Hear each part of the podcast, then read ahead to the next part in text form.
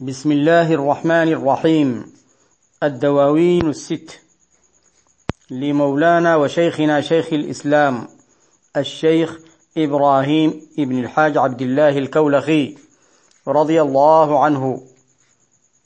تقديم أبو عركي الشيخ عبد القادر النذير. التسجيل رقم واحد وأربعين وهو في صفحة ثلاثة وخمسين من نسخة الديوان الذي نقرأ منه. قال رضي الله عنه سما لك شوق بالأمين الذي نفث بروع له الروح الأمين متى بعث. عليه صلاة الله ثم سلامه مع الآل والأصحاب ما حادث حدث. عليه صلاة الله ثم سلامه من العبد إبراهيم والعهد ما نكث. فشغلي ذكر المصطفى ومديحه. بحمد إلهي لا فسوق ولا رفث. هو العبد حقا والأنام عبيده. فكلي يا مختار كلي لدى الجدث. وكل محب في الأمور بأسرها. أغثه سريعا يا كريم أغث أغث. لدى القبر مهما يسأل العبد عنكم. فقل خادمي واشفع لحبك إذ بعث. عليك صلاة الله ثم سلامه. تقيني شر السحر إن نافث نفث عليك صلاة الله ثم سلامه. عديد مخاليق المهيمن حيث بث. عليه مع الآل الكرام وصحبه. عديد الذي وافى به الروح إذ نفث. وأقول مستعينا بالله تعالى ومستمدا من أبوابه. قال الشيخ رضي الله عنه سما لك شوق بالأمين الذي نفث بروع له الروح الأمين متى بعث. سما لك يخاطب نفسه. رضي الله تعالى عنه ويقول سما. وعلى وارتفع لك شوق شوقك وحبك للأمين ارتفع وعلى وسمى الأمين صلى الله عليه وسلم الذي نفث بروع له الروح الأمين متى بعث؟ الذي نفث الروح الأمين بروعه عندما بعث. بعث له الروح الأمين صلى الله عليه وعلى آله وصحبه وسلم وألقى إليه الوحي. الذي نفث أي ألقى أو ألهم أو أوحى بروع أي بروعه والروع هو القلب أو الروح أو الخاطر أو النفس أو الذهن أو يمكن تقول الباطن أو اللطيفة التي تستقبل مثل هذا النفث. عليه صلاة الله ثم سلامه. مع الآل والأصحاب مع حادث حدث يعني مدة دوام حدوث حادث في الأكوان صل عليه يا رب. عليه صلاة الله ثم سلامه. من العبد إبراهيم والعهد ما نكث. كذلك عليه صلاة الله ثم سلامه من العبد إبراهيم وهو نفسه رضي الله عنه. العبد الخادم إبراهيم أو العبد لله إبراهيم رضي الله عنه.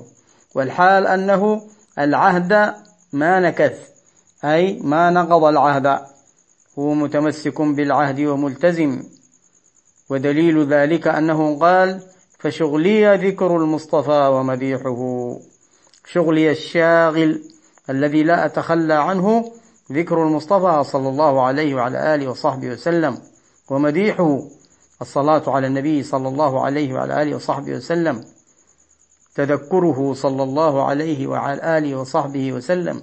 مراقبته في حضرته صلى الله عليه وعلى آله وصحبه وسلم.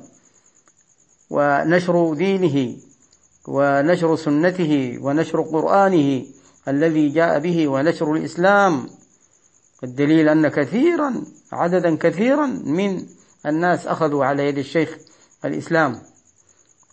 بحمد إلهي ذلك بحمد الله أحمد الله عز وجل. لا فسوق ولا رفث. هذا حفظ من الله عز وجل هو عبر عن ذلك كثيرا. تحدثا بنعمة الله عز وجل ولا فخرا. مثلا قال هناك في رحلته الكوناكرية لم أدر موجب السياحة التي قهرني المولى لها وعلتي قد برئت قبل بلوغ الحلم وفقت في العرفان كل القوم الحمد لله نشأت طاهرا. ما قلت فخرا بل نطقت شاكرا. ما قط جالست سفيها ولا ما أصحب سوى فحول قوم علماء. ثم سأل الله عز وجل أن يديم له الحفظ وليس معصوما وإنما هو محفوظ. ومع ذلك فهو كثيرا ما يذكر عبوديته ويذكر تقصيره أيضا رضي الله تعالى عنه. مثلا هناك يقول آلا يا رسول الله عبد مغفل تحمل أوزارا وغيرك لم يرم فلم يأت عبد بالجرائم زائرا مقامك مثلي في القرون وفي الأمم وقد شاب قرني وهو ذا العيب زائد فما أسوأ العصيان والشيب في اللمم وما أسوأ العاصي مصونا منعما يقارف نوعا من ذنوب ولو لمم فلو تحمل الأيام ما العبد حامل لعظمت الأرجاء بالذنب والظلم. إلى آخر القصيدة الميمية التي سوف تأتينا خلال قراءتنا لهذا الديوان إن شاء الله تعالى. هو العبد حقا والأنام عبيده. هو صلى الله عليه وسلم هو العبد حقا. وعبوديته هي فخره. فما فخره إلا العبودة لم يرم سواها وذاك الفخر فخر مخلد. والأنام عبيده المخلوقات عبيده بمعنى خدامه. صلى الله عليه وعلى آله وصحبه وسلم. لا يفهم فاهم أنهم عبيده بمعنى يعبدونه من دون الله. لا هذا المعنى بعيد. عبيده بمعنى خدامه آه، من ناحية الأدب معه من ناحية التوقير من ناحية الاعتراف بالفضل من ناحية حفظ الجميل من ناحية معرفة الحق له من ناحية الوفاء له. والوفاء للمعلم لأنه المعلم الأول الذي علم الدنيا وثقفها. وورد في بعض الأحاديث حديث رواه الطبراني آه، في الكبير والبيهقي في الشعب. من علم عبدا آية من كتاب الله فهو مولاه. لا ينبغي له أن يخذله ولا يستأثر عليه. والأمير المالكي في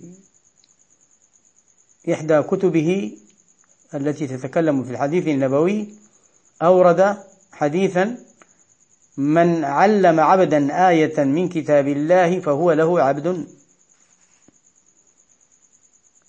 وشعبة ابن الحجاج البصري المعروف قال كنت إذا سمعت من الرجل الحديث كنت له عبدا ما حي وهكذا.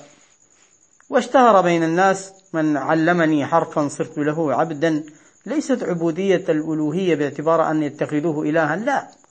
عبودية الاحترام والخدمة والتعظيم ومعرفة الحق. فكن لي يا مختار. الآن يتوجه إلى النبي صلى الله عليه وسلم ويتوسل به ويقول له كل لي لأنه ينادي حاضر لا ينادي غائبا. وهذا المعنى معنى حضور النبي صلى الله عليه وعلى آله وصحبه وسلم يكرره أيضا داخل هذا الديوان المبارك. مثلا هناك يقول يقينا أنادي حاضر الدهر سامعي. يقينا أنادي حاضر الدهر سامعي. كلي لدى الجدث كلي لدى القبر عندما أكون في القبر كلي أيضا. وكن لمحب في الأمور بأسرها. أغثه سريعا يا كريم أغث أغث. كن لي في أموري جميعها. المحب هو يعني نفسه. أو لكل محب صادق في محبة النبي صلى الله عليه وسلم كله. أغثه سريعا يا كريم. أغث أغث. أكدها هنا بلفظها. لدى القبر مهما يسأل العبد عنكم. هذه فسر بها ما قاله كلي لدى الجدث. أي لدى القبر. لدى القبر مهما يسأل العبد عنكم لأن الإنسان عندما يدخل القبر يسأل عن ربه وعن دينه وعن نبيه صلى الله عليه وعلى آله وصحبه وسلم. فقل خادمي واشفع لحبك أي حبيبك محب لمحبك ومحبوبك. إذ بعث يعني حين بعث يوم البعث اشفع له. عليك صلاة الله ثم سلامه. تقيني شر السحر. النافث النفث هذه الصلاة على النبي صلى الله عليه وسلم يتوسل بها. أن تقيه شر السحر. النافث النفث. أو يخاطبه صلى الله عليه وعلى آله وصحبه وسلم بذلك. عندما ينفث النفاث أو النافث من شر النفاثات في العقد. هؤلاء الساحرات أو الساحرين. تقيني شرهم. عليك صلاة الله ثم سلامه. عديد مخاليق المهيمن حيث بث أي حيث بث عدد مخلوقات الله حيث خلق وبث ونشر. عليه مع الآل الكرام وصحبه. عديد الذي وافى به الروح إذ نفذ. يصلي على النبي صلى الله عليه وسلم وعلى آله وصحبه بعدد ما وافى به الروح الأمين عليه السلام حين نفث. والله أعلم. ونواصل إن شاء الله تعالى.